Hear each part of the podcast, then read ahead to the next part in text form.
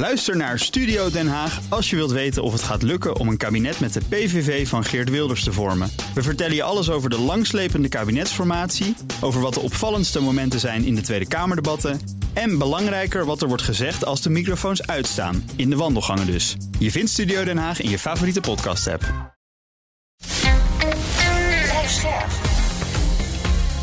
BNR Nieuwsradio. Napleiten. Wouter Laumans en Christian Vlokstra.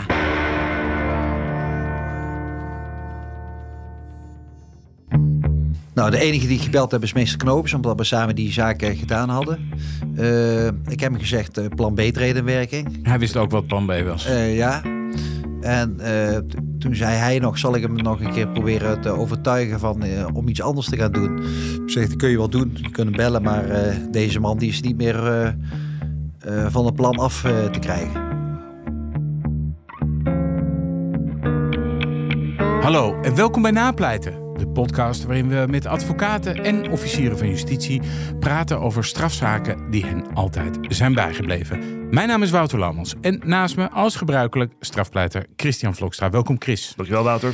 Eerst even kort de huisregels. In deze podcast praten we over definitief afgedane zaken. En vanwege de journalistieke zuiverheid behandelen we ook geen zaken waar Chris bij betrokken is geweest. Uh, we gaan naar de zaak van vandaag. Uh, en dat is uh, de zaak die in de media bekend is geworden als de Venrijse moordzaak.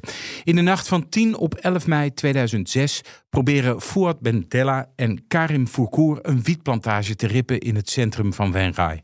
Het alarm gaat af en Lau Gerards en Geert G. spoeden zich naar hun wietloods. Daar schieten ze volgens het Openbaar Ministerie de twee met drie geweerschoten dood. De lichamen van de slachtoffers worden verborgen in de bossen bij Venlo. Pas in 2014 zal de politie de resten van de stoffelijk overschotten van beide slachtoffers daar opgraven. Justitie doet er alles aan om Lau Gerards en Geert G. voor de dubbele moord veroordeeld te krijgen.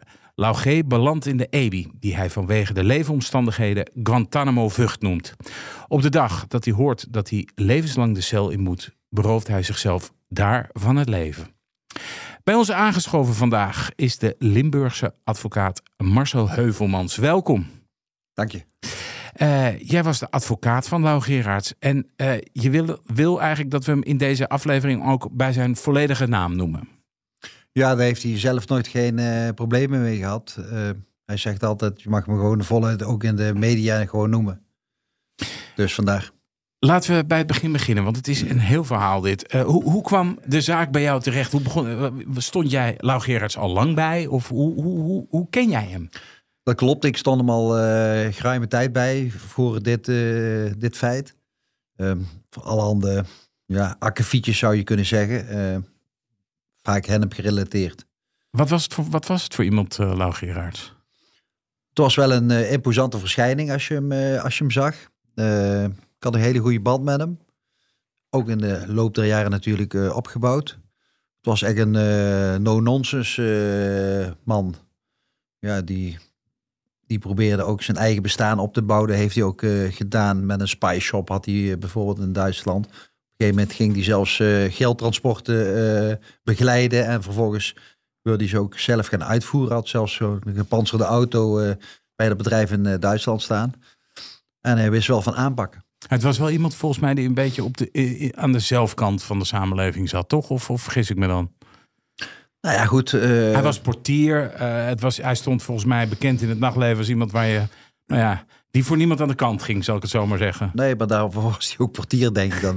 ja. Wanneer werd uh, jouw cliënt voor het eerst aangehouden in deze zaak? Was dat al kort na de verdwijning van die twee jongens? Of wanneer is dat gebeurd? Dat is volgens mij gebeurd in het najaar van datzelfde jaar, 2006.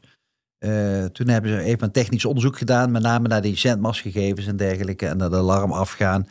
En rij, uh, reisbewegingen in, in, de richting van, uh, van Venray. Het was bekend dat het zijn loods was, die wietloods, of niet? Dat was vrij snel bekend. Ja. ja. En toen hebben ze gekeken naar zijn telefoon en, en, en of ze die konden plaatsen hè, rondom ja, het PD. Ja, nou, en, en dat heeft opgeleverd dat hij werd aangehouden in het najaar 2006. Volgens mij heeft hij toen de volle drie maanden of drieënhalve maanden in alle beperkingen gezeten. Dat weet ik wel, in Roermond. En eh, vervolgens heeft men hem eh, eh, niet gedagvaard, maar laten lopen. Maar in februari eigenlijk? 2007. Maar hoe kwamen ze überhaupt? Die jongens die, zijn, die waren nog niet gevonden. Nee. Dus die jongens die zijn op een, een of andere manier zijn ze op het ministerie toen ze verdwenen waren. Hè, zijn ze geplaatst. Hè, van, daar zijn ze geweest, in, dat, in die wietloods. Ja, technisch onderzoek heeft eh, uitgewezen dat daar eh, onder andere bloed van die eh, twee jongens is eh, aangetroffen. Nee, nee, maar zeg maar, voordat ze in die loods zijn, moeten ze überhaupt weten dat de jongens daar geweest zijn. Dat wisten ze natuurlijk in 2006 in principe niet. Dus Nee, het was zo, maar dan moet ik heel diep in mijn herinneringen graven. Ja, het gaat dat, er- hier, dat er een. Ja, zeker. dat er een derde persoon was die op de uitkijk stond. Ja. Dus ze bij die twee Marokkaanse jongens hoorden. En via die jongen ja. zijn ze uiteindelijk bij...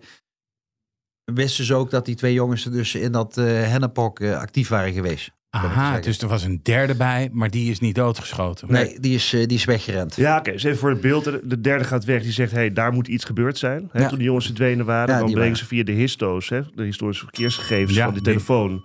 En die loods die wordt toegeschreven aan jouw cliënt, Ja. onder andere. Ja. Dus dat is wat er lag eigenlijk. Dat hij daar was geweest. Dat het zijn loods was. Doodgeschoten. In ieder geval verdwenen jongens. Want ze nog niet gevonden. Ja. Eh, dat was het bewijs wat er toe was. En na drie maanden was dat onvoldoende. En is hij vrijgelaten. Ja, precies. Ja. Ja, sorry. Ja, ik vat het even samen voor het, voor Nee, het maar beeld. dat, ja. eh, zo, zo is het gelopen. Oké, dus dat was de eerste keer dat hij in deze. Maar dat, dit, dit onderzoek, dit is natuurlijk. We hebben twee verdwenen jongens. Dat onderzoek gaat verder, neem ik aan. Hoe vaak is hij vervolgens nog verhoord in de, in de, of, of in de gaten gehouden? Werd nadat hij, zeg maar, dat ze hem hadden laten gaan, werd hij daarna nog steeds ja, ja, gevolgd en dat soort dingen?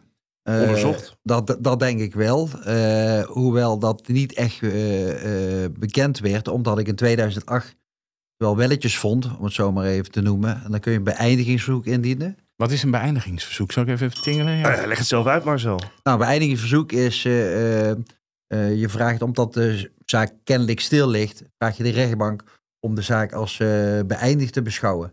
Ja, ja. de- en dus ermee te stoppen van, joh, het is niks en Ja. klaar. Ja, wat, wat, wat gebeurt er nu? En wat je heel vaak ziet in, eh, bij, eindigingsverzoeken, is dat ze het Openbaar Ministerie nog een extra termijn geven om eh, de zaak eh, nog verder eh, uit te, te, te pluizen. En toen hebben ze de eh, inmiddels overleden misdaadverslaggever Peter R. de Vries ingeschakeld.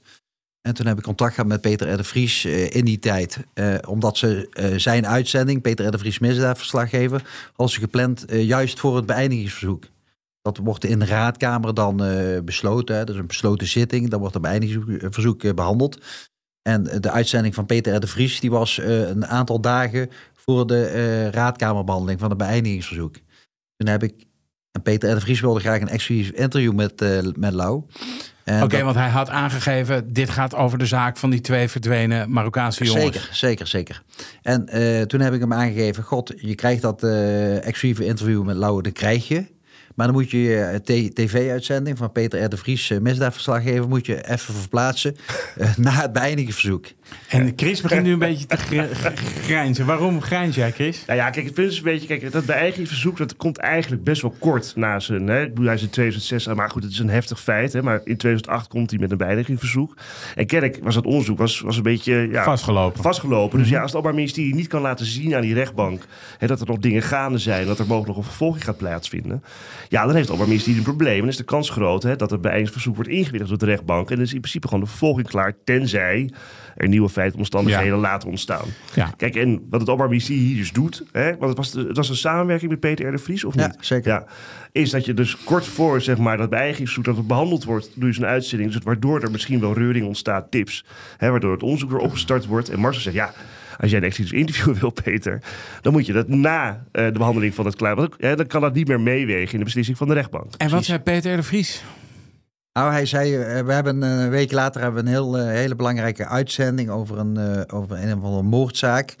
En toen kwam ik er daarna achter dat dat een eh, 30 of 40 jaar oude moordzaak was. Dus zo nijpend was die uitzending niet, wat mij betreft. Maar in ieder geval, eh, er werd niet geschoven in de programmering. Nee. En dat betekende, zoals eh Christian al opmerkte, dat er eh, tientallen tips binnenkwamen. Naar aanleiding van die uitzending van, Van die Peter R. de uitzending Vries. van Peter de Vries. Dus ik, zat- ik, zat- ik stond in één keer met lege handen eh, op die, eh, op die beëindigingsraadkamer. Maar ik kan me zo voorstellen, hij wordt aangehouden in een nou, dikke zaak, hè, moordzaak. Dubbele wordt vrijgelaten, moordzaak. Ja, dubbele moordzaak, wordt vrijgelaten. Dat onderzoek loopt mogelijk nog. Hè. Dus nou, daar praat je ook met elkaar over. Als advocaat en cliënt, dan doe jij de beëindigingsverzoek. En dan komt opeens de aankondiging, Peter de Vries gaat er aandacht aan besteden.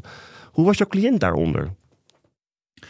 Nou, ik vond dat ook een minder goed idee uiteindelijk. Hè, dat het zo ging. Maar hij zegt, ja, laat maar gebeuren wat er gebeurt. Hij was er niet bang voor. Niet echt, nee, hij was wel redelijk onverschrokken. Ook naar eh, Peter R. de Vries of eh, wat dan ook. Nee. Ja. Ja. Er kwamen dus tips binnen naar aanleiding van die, van die eh, uitzending van Peter R. de Vries. Leiden die ergens toe, die tips? Die zijn uitgelopen.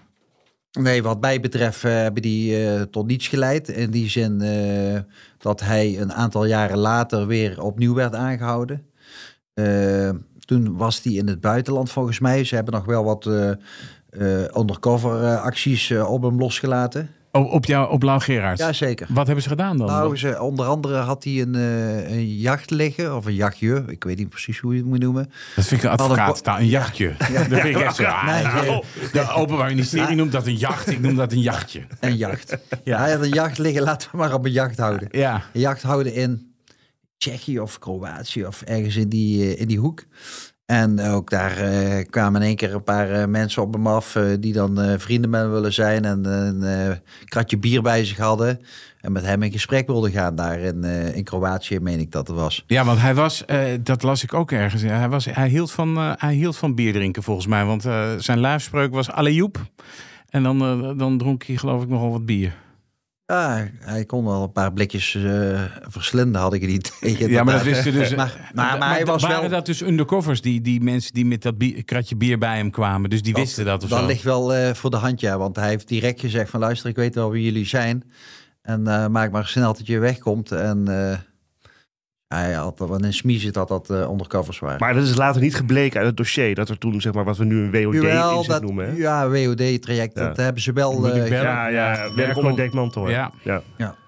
werk onder dekman, dat hebben ze wel eh, gememoreerd in het procesverbaal. Uh, dat kon ze ook niet eh, weglaten, om het zo maar Maar wat ik me even afvroeg, Marcel, want in 2008 wordt dat beëindigingsverzoek wordt, werd, werd wel behandeld en het werd afgewezen, neem ik Mhm. aan. Want er kwamen dus allemaal nieuwe tips Precies, binnen via ja. Peter R. de Vries. Nou, op een gegeven moment is het 2009, 2010. Nou, jullie wachten af, gaat er iets komen, ja of nee? Ik neem aan dat je af en toe contacten met zo'n officier van, gaat er nog wat komen? Of niet? Of heb je gezegd, nou laat maar, we merken het wel. Eh, merk het wel. Ja. Ja. En, en, en Ja. toen was hij dus pas één keer aangehouden. Eén keer aangehouden. Ja. En wanneer werd hij weer aangehouden? Uh, moet ik in de stukken krijgen? 2012 is die voor de tweede keer aangehouden. Oktober 2012. Voor de luisteraar, eh, Marcel heeft hier een heel pak papier op tafel liggen. en daar- nou, daar staat alles in. eh, en daar, daar keek hij even in. Ehm, eh, en waarvoor werd hij toen aangehouden? Wat, wat was dat? Weer voor die, eh, voor, die, voor die moordzaak. En toen zat hij vast in het buitenland. Ik moet even in het midden laten waar hij precies vast zat. Zou Duitsland geweest kunnen zijn. En toen werd hij eh, overgeleverd, heet dat eh, tegenwoordig, eh, naar Nederland. En voorgeleid bij de rechtercommissaris. En eh, de rechtercommissaris heeft hem uh, subiet en vrijgesteld. Oké. Omdat Ja. er helemaal geen nieuwe feiten en omstandigheden waren. Precies, geen Ja. ernstige bezwaren. In die tijd die daarop volgde, is hij niet echt bepaald een low profile gaan houden, hè, jouw cliënt? Niet echt, nee. Bepaald niet zelfs eigenlijk. Nee, omdat eh, het volgende aanhoudingsmoment is gelegen in eh, 2014. Omdat eh, ja, overal in de landelijke media was te lezen dat hij de nieuwe president No Surrender zou worden, Limburg. De beruchte motorclub. Ja, en, van eh, Klaas Otto. En die, op, ik kan me dat ook nog herinneren. Dat was de tijd van de zogenaamde, ja, hoe zeg je dat? Eh, Dat de overheid probeerde om eh, motorbendes in Nederland eh, aan banden te leggen. En je had toen een aantal motorbendes die met elkaar in de clinch lagen. De Hells Angels, eh, Satudara is een bekende. En No Surrender. En dus jouw cliënt besloot dus ook om vrij prominent, terwijl hij dus verdachte was eh, van deze dubbele moord, Ja. eh, om, om eh, ja, eigenlijk, eh, hoe zeg je dat? Daarin te gaan stappen. Ja, hij zou eh, Was dat- president worden van No Surrender in het Limburg. zo'n club waar ook Willem Holleder en, eh, Ja. en Danny K bij betrokken zouden zijn geweest? In ja. de- bij de oprichting. Ja, bij ja. de oprichting. Ja. En Ja. heeft hij dat met jou, aan jou verteld van tevoren? Dat hij zei van ja, ik ga de nieuwe president van No Surrender Limburg worden. Zeker heeft hij verteld, maar ik heb dat eh, Nou, ik heb daar geen, geen advies over gegeven, maar ik heb wel gezegd, ga nou niet direct weer alle media opzoeken met dat nieuws. Hè, want dat trigger justitie weer om Ja. eh, misschien eh, jou weer achterover te trekken. Nou, en dat deed hij dus wel. Ja, toen stond het prominent ook weer Telegraaf voorpagina, kan ik me nog herinneren. Er zullen meerdere media geweest zijn eh, die daarover bericht hebben. Ja. En eh, ja, goed, en eh, toen was het dus... eh, Maar ja, hoe zag jij dat zelf dan, mag ik vragen, als je dat kunt vertellen? Hè? Dat was een intelligente man, of niet? Deze, Mhm. Ja, zeker. ja. Ja. Dus hij snapte toch ook wel. We hebben het al eens eerder over gehad. Ik weet even niet meer in welk verband, eh, Wout. Hè, dat op het moment dat je in zo'n positie zit... Oh, dat was toen over, eh, over de zaak van Mink, eh, Mink K.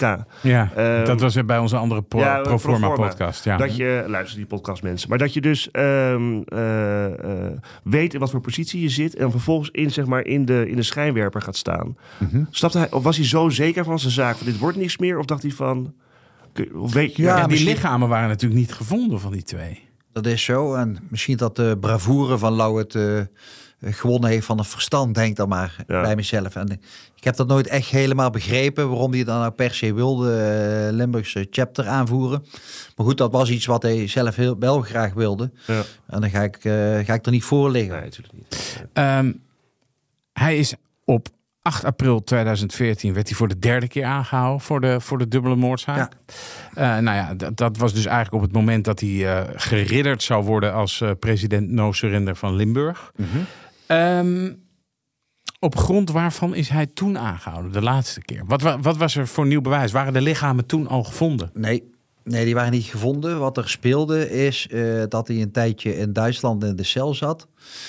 Daar is iemand opgestaan, zeg maar achteraf dan. eh, die zegt, ik heb eh, belangrijke informatie over eh Lau en over die moordzaak. En ik wil graag dat jullie dat verhaal tot je nemen. Die, brief heeft hij volgens mij een officier van justitie gestuurd. En daarin zou hij ook gewacht hebben gemaakt. Vandaar dat ik dat hele verhaal moeilijk te bevatten of te geloven vond. Daar in die brief, dat is een brief ergens in 2013 geschreven aan die officier van justitie. Zegt hij, ik heb informatie voor jullie, maar eh, hij heeft ook bedreigingen jegens u, mevrouw de officier eh, van justitie, geuit. Nou, dus dat, dat verhaal is eigenlijk in de kast blijven liggen. Dat verhaal hebben ze ook nergens gecheckt wat mij betreft. Totdat eh, het nieuws kwam dat hij eh toe zou treden tot no surrender Limburg. En toen hebben ze in één keer die verklaring zijn ze gaan uitwaarderen, om het zo maar eh, te noemen. Zijn ze gaan checken. En eh, ik weet nog dat ze een dag van tevoren, 8 april, zou die eh, zogenaamd geridderd worden. Dat ze op 7 april een spoedmail hebben gestuurd naar de gevangenis in Duitsland. En daar gevraagd hebben, eh, kan het zo zijn dat meneer eh eh, Lau Geraas contact kan hebben gehad met die getuigen? Die ook, dat was een medegedetineerde, een, een meneer uit Nederland. En eh, toen hebben ze daarop geantwoord, ja, dat, eh, dat zou kunnen. Ze zaten in verschillende afdelingen in die, eh, in die gevangenis in Duitsland. Maar ze kunnen met luchten, kunnen ze contact met elkaar hebben gehad. En toen is dat balletje in rollen, hebben ze die verklaring van die meneer, die dan in één keer uit de kast wordt getrokken. Die was misschien bijna een jaar oud, die verklaring. Ja, dat is een brief, dat is niet eens een verklaring eigenlijk. Dat is alleen maar een brief. Ja, een brief. Ja. Maar die man die hebben ze wel in de tussentijd nog gehoord. Daar is ook een officier van justitie, eh, zover, Oh, oké. ik, eh, zover ik weet, op bezoek geweest in Duitsland. Daar zijn ook rechercheurs op bezoek geweest. En het was heel eh, bijna ongeloofwaardig dat een, een verklaring die zou opge, opgevangen van Lau eh, in, inhouden onder andere het, eh, een echte forse bedreiging en het adres van officier van justitie, dat ze er niks mee gedaan hebben. Wat zou er dan gezegd zijn over deze jongens? In, deze, in de zaak van In de deze zaak, jongen? ja. Wat, wat, Ja. Wat, wat zou Lau eh, Gerards tegen deze getuigen hebben gezegd Hij over zou de zaak? kort gezegd hebben wat er aan de media was verschenen. Namelijk dat hij nadat de hennephok is gegaan, de alarm was afgegaan. En hij ze daar eh, dood heeft geschoten en eh, heeft laten verdwijnen. En was hij tijdens zijn overlevingsdetentie? Dat hij eigenlijk voor de tweede keer werd aangehouden en naar Ja. Nederland moest? Oh, Ja. wauw. Ja. Oh ja, jeetje. Ja. Lau, werd, eh Lau Gerards werd opnieuw eh, opgepakt dus. Mhm. Eenmaal in de gevangenis in Graven, in Noord-Brabant is dat. Heeft hij een zelfmoordpoging ondernomen? Of althans, dat zou hij gedaan hebben. Wat, wat weet jij daarvan? Ja. Hij, heeft daar iets, iets uitgehaald om, eh, om weer eh, overgeplaatst te worden. Wat heeft hij gedaan andere- dan? Ja, ik weet niet wat hij, of hij een sneetje of, of zoiets in zijn hand had eh, aangebracht. Of naar een of ander, Ja, Ja, want volgens je- om maar weer of weer teruggeplaatst te worden naar Graaf, omdat hij daar niet te handhaven zou zijn of iets dergelijks. Ja, want volgens het Openbaar Ministerie zou je het plan hebben gehad om eh, de eh, gevangenis te ontvluchten door broeders die, die, bij, dit, die bij dit soort calamiteiten eh, ja, eigenlijk te hulp eh, schieten. Die zouden weer hebben willen gijzelen. En toen is hij in de extra bewaakte, extra beveiligde inrichting in Vught geplaatst, toch? Ja, klopt. Dat is wel een Ja, dus het, was, het was niet eigen zelfmoordpoging, maar volgens justitie was het een verkapte zelfmoord om eigenlijk te ontvluchten. Daar kwam het op neer. Dat werd gezegd. Ja. En toen is hij naar de EBI geplaatst. Ja, Ja. Het is, ja, ja, er gebeuren gekke dingen, zeg maar. Of het waar is of niet waar is. Was toen de medeverdachte ook al aangehouden, of niet? Eh, ze zijn volgens mij tegelijkertijd weer eh, opgepakt. Omdat, omdat oh, vanwege de verklaring tegen Lau eigenlijk, tegen Ja. Lau Gerards, maar dat werd natuurlijk ook, ja, ik snap het Ja. wel. Ja. Ja. Ehm, op dat moment waren de lichaam nog steeds niet gevonden. Klopt. Dan heb je dus eigenlijk een eh, moordzaak zonder lijk. Lijken Ja. in dit geval. Heeft Lau Gerards ooit iets verklaard eh, over zijn rol bij de moorden? Hij heeft wel verklaringen afgelegd, eh, zover ik weet. Dan moet ik weer in mijn eh, geheugen gaan graven. Hij heeft wel verklaringen afgelegd in, in die zin dat hij heeft gezegd dat eh, de medeverdachte eh, die, eh, die moorden op zijn eh, konto eh, moest schrijven en niet hij. Ben jij een eh, advocaat die wil weten of je verdachte... Want ik bedoel, de vraag die natuurlijk boven de markt hangt in deze podcast is... Wat wist jij? En ik snap eh, geheimhouding eh, van een advocaat. Dat is, een, eh, eh, dat is heel erg belangrijk. Ben jij een advocaat die wil weten of je cliënt het gedaan heeft of niet? In algemene zin. Algemene zin is het wel handiger voor een strafrechtadvocaat om het verhaal eh, Het echte verhaal te weten. Om het echte verhaal wel te, wel te weten. Want je gaat toch een bepaalde tactiek, een route uitstippelen voor iemand. eh, ja, die, die ook moet, moet kloppen uiteindelijk. En die, als je met een of ander eh, onzinverhaal wordt behept. Of, of iemand zegt, ik, ik zeg er niks over. Wat je overigens zelden meemaakt in strafrechtland wat mij betreft. Ehm, ja, moet je het verhaal gewoon eigenlijk beter wel kennen. Om daar een goede verdediging op los te kunnen Ja. laten. Ja. Maar mag ik even, eh, Marcel, kijk, hij wordt opnieuw aangehouden op basis van die verklaring van die getuigen in Ja, Duitsland. Ja, klopt. De medeverdachte ook. Ja. Hij zit eerst in Graven. Ja. Eh, dan spreek je natuurlijk met elkaar van... hey, wat is daar gebeurd in Duitsland, beste Lau? Wat, wat kun je hierover zeggen? Mhm. Wat, wat, wat, heeft, wat zei hij daarover? Nou, daar heeft hij wel een verklaring over. Ik heb inderdaad met die man gesproken. En ik heb hem daar mijn zienswijze, hoe ik tegen die zaak aankijk, namelijk dat ik er niks mee te maken heb, dat heb ik tegen die man verteld. Ja. Maar die man die wilde graag eh, weer teruggeleverd worden naar Nederland. Eh, zijn vader was eh, tijdens detentie in Duitsland overleden. Zijn moeder was ook erg ziekelijk. En hij wilde kost wat het kost terug naar Nederland Ja. in ruil voor. En toen bleek, ik heb die man uiteraard als getuige ondervraagd. En toen bleek dat hij eigenlijk twee scenario's op de plank had liggen. Oh, Dus scenario lauw Ja. en een scenario over een andere zaak. Maar die andere zaak die was minder interessant. Hij dacht, ik kan beter scenario eh, de kaart lauw oh spelen. twee, twee verklaringen. over één zaak en over, een andere twee, zaak. Ja, precies. Over twee zaken had hij iets klaar liggen. Ja. Hij denkt, ik kan beter de kaart lauw spelen. Want dat is eh, voor justitie waarschijnlijk interessanter. En die kaart heeft hij ook gespeeld. Maar is hij een bedreigde getuige geworden in de zin van de wet? Of weet je het niet nee, meer? nee. Dat niet? Nee. nee. Nee. En luister, ruim een maand na de aanhouding van eh Lau Gerards en zijn, en zijn medeverdachte, eh, Geert G., ehm, worden die lichamen gevonden. Klopt. Hoe zijn ze daarbij terechtgekomen? Op enig moment heeft men die medeverdachte voorgehouden dat uh, Lau gezegd zou hebben: uh, ieder moet zijn eigen weg gaan en eieren uh, voor zijn geld kiezen. En uh, ja, die zinsnede heeft zoveel indruk gemaakt, uh, waarschijnlijk op de medeverdachte, uh, dat hij dacht van nou, uh, ik ga mijn verhaal vertellen, uh, voordat uh, Lau het verhaal gaat vertellen. Toen die lichamen gevonden werden, schrok jouw cliënt daar toen van? Was hij daarvan geschrokken? Want ik bedoel, nu gaat het dus in de, van een moordzaak zonder lijken naar een moordzaak met lijken. Ja. En lichamen, die, uh, de, de vindplek, die is aangewezen door een directe medeverdachte. Klopt. Dat, ver, dat verandert een zaak natuurlijk enorm. Zeker. Je hebt de verklaringen van die uh, medeverdachten. Uh, die al vanaf het begin werden geloofd door justitie. Nou, maar ja, hij wijst, hij wijst een moordplek aan en daar liggen ze ook. Dus dat is natuurlijk ook wel hè, dat je denkt van...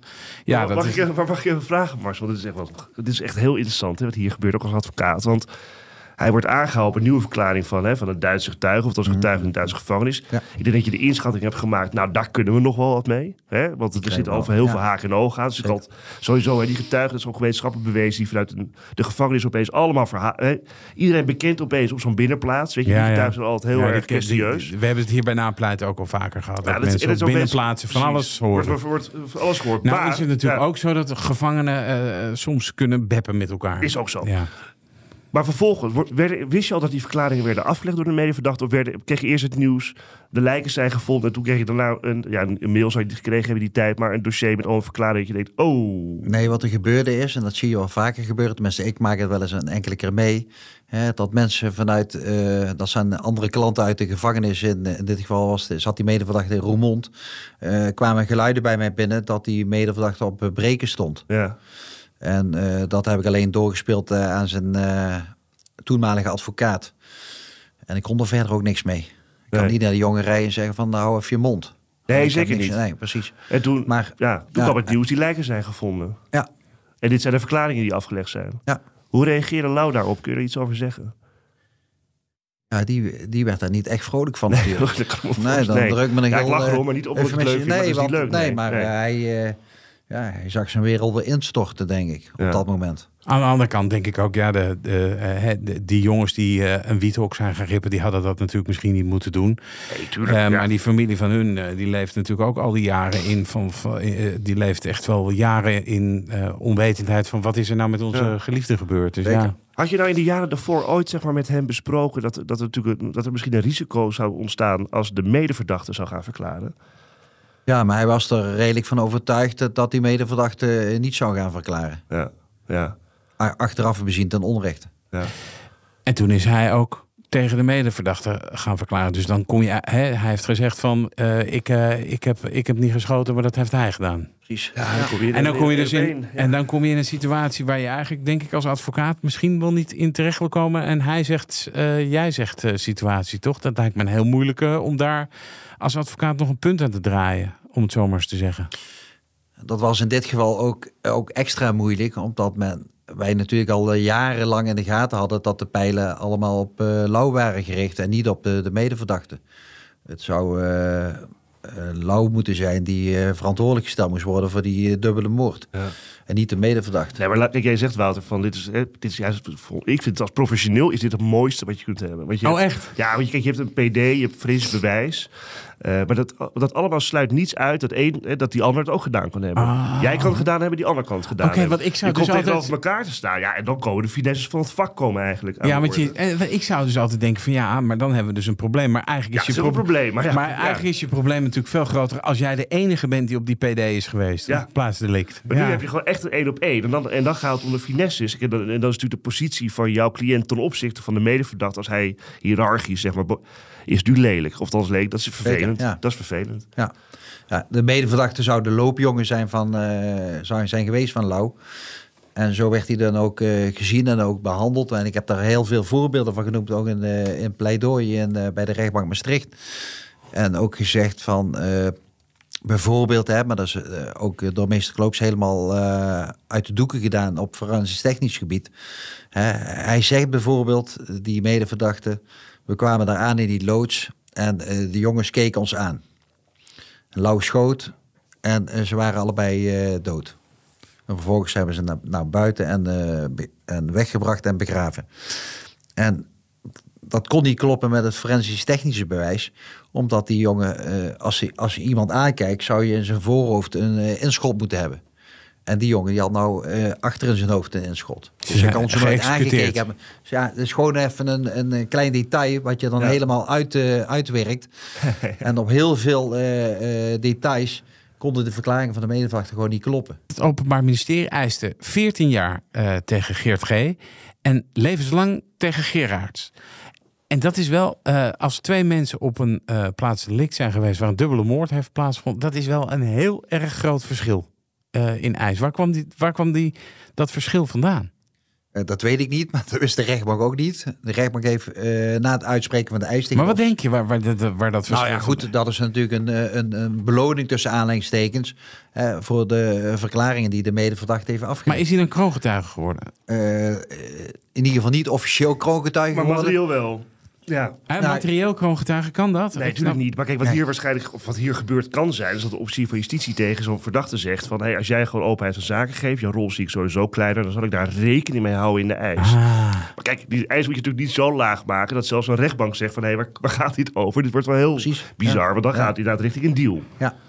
Nou, dat gebeurde ook. En je ziet ook in de verhoren terugkomen. Want we hebben natuurlijk allemaal die, eh, die verhoren hebben nageluisterd van de, Ja. van de medeverdachte. En ik heb daar ook een hele opsomming in de pleitnota van gegeven. Hè, dat je een zeven uur durend verhoor hebt. En dat er 15 pagina's tekst eh, verschijnen. Nou, dat maken we heel vaak mee. Maar je moet dan als strafrechtadvocaat, zeker als je, als je het ontzettend druk hebt, moet je er ook tijd en ruimte voor vinden. Om die allemaal verbatim te lezen. Ja, Ja. precies. Ja. Om die allemaal te gaan naluisteren, die, die verhoren. En wat bleek daar dan uit? Daar bleek onder andere uit eh, dat telkenmalen werd gezegd. eh, ik noem de, de naam van de medeverdachte niet, maar eh, meneer de medeverdachte, eh, wij gaan jou helpen. Wij begrijpen jouw eh, slechte positie wel, maar maak je maar niet eh, ongerust, want eh komt allemaal goed. Weet je wel, dat soort uitlatingen tijdens, deden ze tijdens verhoor. Die stonden natuurlijk niet op papier, maar eh, die hebben wij allemaal opgezomd. Uiteindelijk de uitspraak. 30 jaar voor de medeverdachte. En levenslang voor Geraads. Ja, En het jij hebt dat vonnis bestudeerd, Chris. Ja, en jij- wat viel is- jou op? Nou, het interessante is in, in het vonnis, en dat is echt lezenswaardig, vind ik, is dat... Kijk, het We gaat zullen het melden in de show Het notes. gaat, het gaat uiteraard om, hè, je hebt twee verklaringen staan recht tegenover elkaar. Wie, ja, wie is de meest betrouwbare? Ja. En de rechtbank zegt dan, we gaan dat, we gaan dat toetsen aan de hand van vijf crite- criteria. De, de sportenverklaring met de tijdlijn. Is er steun te vinden voor de verklaring in andere bewijsmiddelen? Eh, wat zegt het tijdstip en de wijze waarop de verklaringen door de, eh, door de verdachte zijn afgelegd? Dus als je na het dossier zeg maar, gaat afleggen. Dus als je nadat je het dossier hebt gelezen... Ja, wat is een mogelijk motief om die andere jongens dood te schieten en wijst de Flinse bevinding een bepaalde richting op? Kijk, en als je dat dan vervolgens leest, kijk, dus qua tijdlijn is er wat aan te merken op de verklaring van, eh van Lau Gerard, zegt de rechtbank dan. Eh qua steun, nou, er is er iets meer steun voor de medeverdachte. De tijdstip, nou, weet je, is de medeverdachte natuurlijk eerder dan jouw cliënt, dus dat is voordelig. Motief kan allebei en forensisch kan het eigenlijk ook allebei. Ja, op basis daarvan ga je dan als rechtbank uiteindelijk kiezen. En dan krijgt de een eh, levenslang en de ander krijgt 30 jaar. En hoe reageerde jouw cliënt? Nou, we hadden van tevoren natuurlijk al eh, met dit eh, scenario, met deze uitspraak rekening gehouden. En ook natuurlijk al besproken in de, in de EBI. Eh, en gezegd, nou ja, goed. eh, Dan gaan we in beroep of wat? Ja. nee, zeker. Ja, dat was. Dat, eh, dat wil ik best vertellen. Eh, kort na de uitspraak heb ik hem eh, onder een cellencomplex in eh, Maastricht, de rechtbank Maastricht, bezocht. En toen eh, vertelde hij mij dat eh, plan B in werking trad. En eh, ik wist dat plan B eh, behelsde, eh, namelijk dat hij zichzelf van het leven ging beroven. En dat Na het was een, vonnis was dit. sorry, direct na het vonnis. Toen zei hij dat. Ik ga plan B in werking stellen. Ja, Eigenlijk ben vertelde direct- hij jou dus, ik ga er een eind aan maken. Ja, klopt. Ja, Wist je ook hoe hij dat zou gaan doen? Eh, ja wist ik ook. Maar wacht even. Wat denk jij dan? Als iemand dat tegen mij zegt, dan zou ik zeggen: hey, hey, denk daar eens even heel goed over na. Wat ben je nou allemaal aan het doen? Zeker, dat heb ik ook tegen hem gezegd natuurlijk. Van eh, laten we nou eh even onmiddellijk rustig. hoger beroep instellen. En dan gaan we kijken of we die, eh, die strijd wel kunnen winnen. Want hij zegt altijd, ja, het is een verloren strijd. Ik win die strijd nooit. Hè, dus wat, mij- wat mij betreft is het klaar. Ik heb een mooi leven gehad. En eh, plan B treedt in werking. En toen vroeg hij mij nog. Maar waarom wilde hij zelfmoord plegen dan? Omdat hij niet gevangen wilde zitten. Hij wilde dat eh, die, die strijd niet nog een keer aangaan. Hoger beroep. Hij had Maar, hij, je, ik kunt heb- ook, je kunt ook het hoogberoep niet instellen en gewoon je tijd uitzitten. Ja, je tijd is levenslang. ja, hè? maar ik bedoel, dat, nou, maar ja, dat is wel je tijd. Laat ik het zo zeggen. Is zo, is zo. Maar hij had dat eh, plan nou eenmaal opgevat. Heeft hij me ooit wel eens iets van laten zien. eh, in de EBI voor zover mogelijk. En ik wist dus wat hij, wat hij ging doen. En hij vroeg mij nog, dat zal ik nooit vergeten, eh, die vraag. Wat vind je ervan als ik plan B in werking ga eh, laat treden? En toen heb ik hem ook gezegd, luister, iedereen heeft eh, een eh, zelfbeschikkingsrecht op zijn eigen leven. Dus ik kan daar niks van vinden. Hè, als, jij dat, eh, als jij dat doet, dan is dat zo.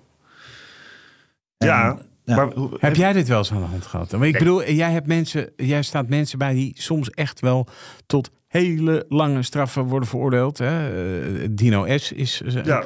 Dus ik kan me... Kijk, ik denk Nee, altijd... ik heb het eens meegemaakt zitten denken, maar ik heb het meer meegemaakt met mensen die in de war zijn. Die, die wel die zeggen, ik maak er een eind aan. Ik, Ja, dit kan die ik zijn, niet. Die zijn overduidelijk psychisch in de war, weet je. Die zijn al onder, hè, die zijn al, al die zitten al in de gevangenis. Er is al extra zorg, het is allemaal voorkomen helder. Maar dit is een hele serieuze man, hè, die een serieuze straf heeft gekregen.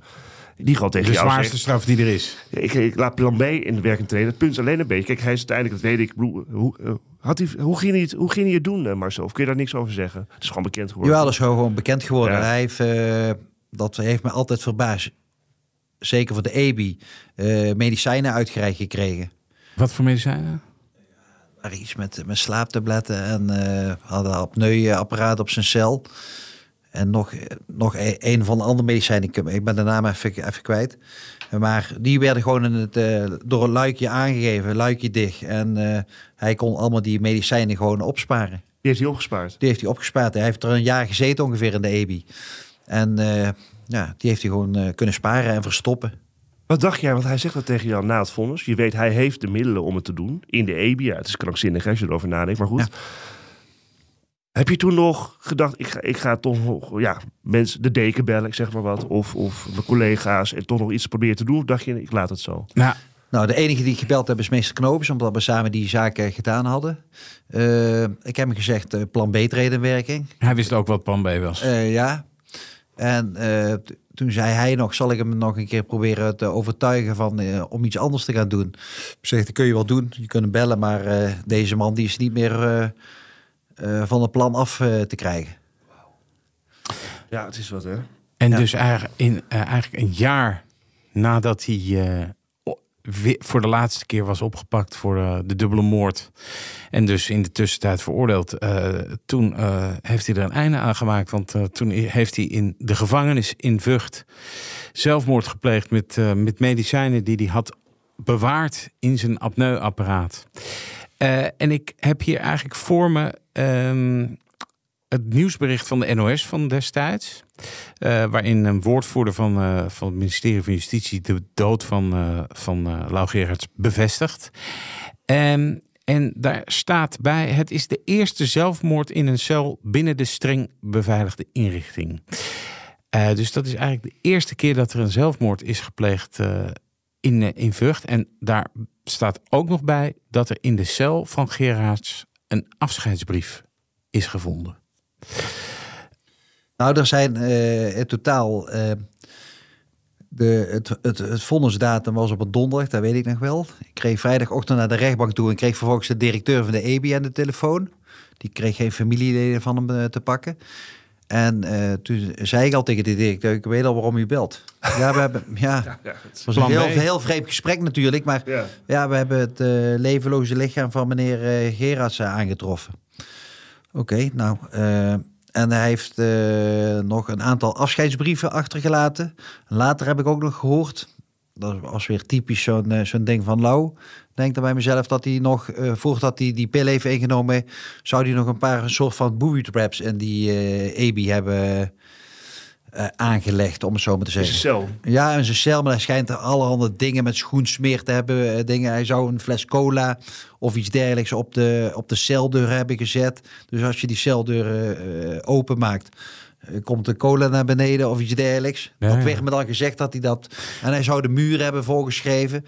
En hij zou... eh, Wat, had- wat had hij erop geschreven? Weet je dat? Of weet je niet wat hij genoteerd heeft? nou, hij, wat, ik, wat ik gehoord heb is eh, de groet aan iedereen en eh, bedankt uh, Heuvi of zoiets dergelijks. Dan zou die voor mij dat was aan hebben. jou. En hij had eh, vier afscheidsbrieven achtergelaten. Want ik werd een dag later op die zaterdag eh, daarna werd ik gebeld door de EBI van we hebben vier brieven gevonden. Ja. En eentje is er voor jou. Eh, advocaat stond erop. En eh, toen heb ik de afspraak gemaakt. eh, toen ben ik met mijn partner naar de EBI gereden op zondag. Heb daar ontvangst gekregen door, van de directrice. En ik heb zelfs een korte rondleiding door de, door de EBI gekregen. Want ik wilde gewoon eens weten, ik kreeg niet de cel van Lau te zien. Ja, wat hij allemaal had opgeschreven, dat heb ik dus nooit gezien.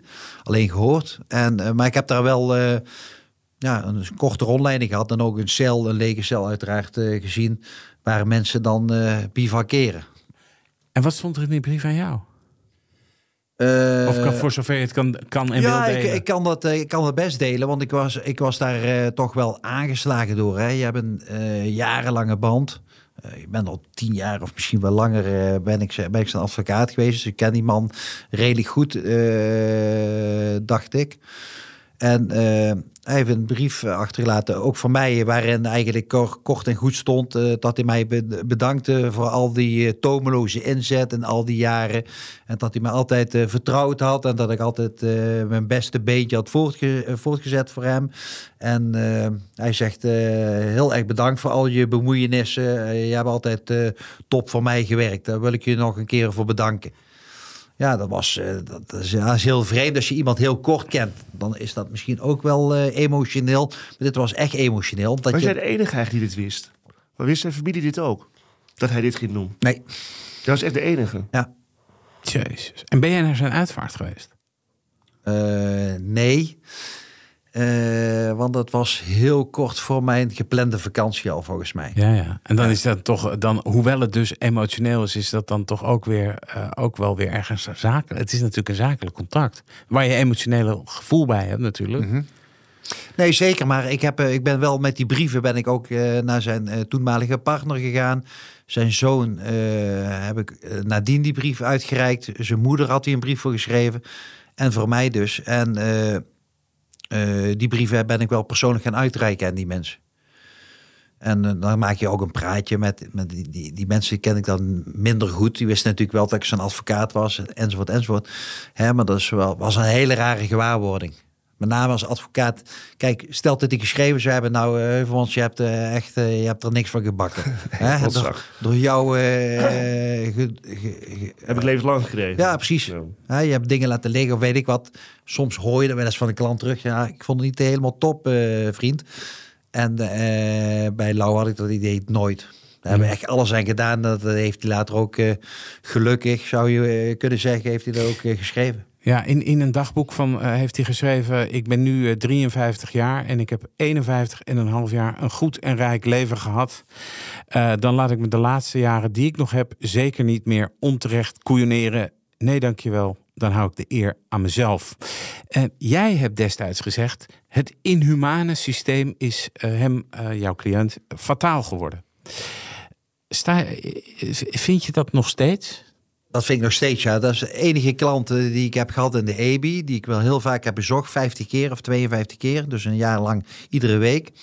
En uh, dat vond ik nog steeds, want dat was een hele forse, robuuste, uh, stevige kerel, die wel tegen een stootje kon. Maar naarmate de tijd verstreek, zag je hem steeds zwakker worden. En ze ook steeds uh, neerslachtiger worden. Dat hij, hij werd eigenlijk, ja, kapot gemaakt, uh, figuurlijk dan, uh, fysiek dan, of geestelijk met name, in die EBI. Als ik hem bezocht had, werd hij nog, voordat hij zijn cel zat, twee of drie keer in zijn uh, blootje nagekeken. Ja, ja. En op een gegeven moment heeft dat zelfs geresulteerd, hè, maar dat, dat zal Christian ook wel eens meemaken. RSJ oordeelde op enig moment, ja. deze man... De RSJ. Ja, de Raad van Strafrecht, ja, de, de Raad van Strafrecht toepassing ja. en jeugdinricht op jeugdzorg. Ja. ja. Die hebben uiteindelijk geoordeeld uh, dat uh, Lau naar een uh, normaal regime moest worden overgeplaatst. Dus weg moest worden geplaatst uit de EBI. Ja, en dat is gewoon nooit gebeurd. Ja. Werd gewoon naast, naast, naast zich neergelegd. En hij bleef zitten waar hij zat. Aan de andere kant denk ik dan ook, hè, en ik bedoel, hij heeft natuurlijk ook, uh, hij werd toen verdacht en is later natuurlijk veroordeeld voor een zeer ernstig uh, misdrijf. Ja, maar daarvoor zat hij daar niet, hè? Nee, oké, okay, nee. maar uh, nee, vanwege vluchtgevaar.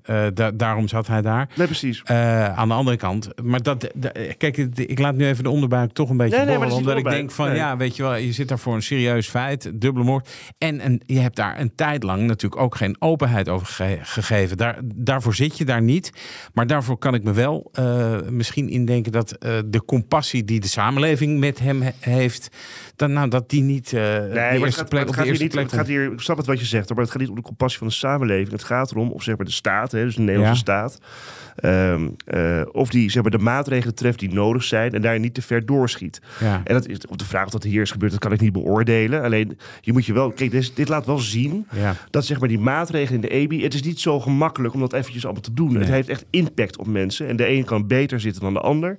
Ja. En dat leidt bij zo'n meneer, bij deze Laugeert in ieder geval toe... dat hij zegt, zo wil ik niet leven, ik maak een einde aan mijn leven. Dat- Zeker.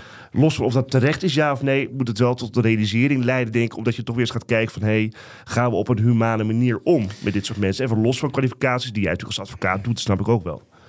Hoe kijk jij nou terug op deze zaak? Ja, het was eh, een hele uitzonderlijke zaak. eh, van, van begin tot eind zou je eigenlijk kunnen zeggen. Drie keer gearresteerd. Derde keer gaat eh, de, de medeverdachte verklaren. Eh, komt de zaak tot onder knoping. Eh, heel veel dingen die die in de tussentijd zijn gebeurd. En dan zo'n abrupt einde van de zaak. Eh, ik had niet eens hoger beroep ingesteld. Daar is niet van gekomen. Eh, Door plan B. door plan B. En dat is eh, iets wat je. En daarna nog die, die met, met eh, zo'n afscheidsbrief daar, waar, die, waar die je als advocaat bedankt. Ja, dat zijn geen alledaagse zaken. Achter jij het hoger beroep kansrijk? Ja, dat weet je nooit natuurlijk. Hè? Maar als je, dat, als je daar te veel over Ja, nadenkt, je, denk komt, je je... komt uit een geslagen positie. Dus dat, dat is nooit makkelijk natuurlijk. Nee, zeker Nee, niet. oké, nee, maar nee, eh, nee. het, het- Nee, het- nee. het is een als-dan vraag. Maar mag, ik je nog, wel? mag ik wel een andere vraag stellen? Heb jij sindsdien hè, ooit bij jezelf gedacht... "Hmm, ik had misschien toch iets ervan moeten zeggen? Of heb je dat nooit gehad? Nee, en- plan B, hè, heb ik het over. Nee, plan B. eh, In, in, eh, met zijn, eh, in zijn positie, eh, hem kennende, eh, heb ik daar nooit over getwijfeld. Ik heb nooit gedacht van, ik had toch misschien de deken of ik had misschien toch de EBI moeten informeren. Hè, want stel nou dat hij zegt dat hij zich toch bedacht heeft, s'avonds. En ik zit de EBI te bellen en zeg van, nou, kijk eens even naar het apneuapparaat of tv. Zou ook zomaar kunnen. Eh, want daar zitten heel veel medicijnen verstopt. En hij, ja, hij was helemaal niet van plan om plan B uit te voeren. Het is, Dan zegt hij, ja, eh, advocaat, jij hebt je geheim houden. Dat is een van de pijlers, hè. dat, weet je ook wel. ja, het is, het is een van de dilemma. pijlers is gewoon vertrouwen. Is gewoon vertrouwen. En als iemand in een hele labiele positie zit, dan Ja, zou ik er anders. misschien anders over denken. En misschien wel de deken bellen, wat moet ik ermee deken? In dit geval vond ik dat niet mijn taak. Marcel Heuvelmans, bedankt voor dit eh, verhaal en je komst naar onze studio. Graag gedaan. Dit was Napleiten. De uitspraak in deze zaak is na te lezen op rechtspraak.nl en is ook te vinden in de show notes van deze podcast. Mijn naam is Wouter Laumels en naast me als gebruikelijk co-host advocaat Christian Vlokstra. Deze podcast is te beluisteren op Apple Podcasts en Spotify. Vergeet u vooral niet te abonneren, dan bent u op de hoogte als er een nieuwe aflevering online staat. Tips kunt u sturen naar napleiten.kortimedia.nl. Verder zijn we te volgen op Twitter en Instagram. Dank voor het luisteren en graag tot de volgende keer.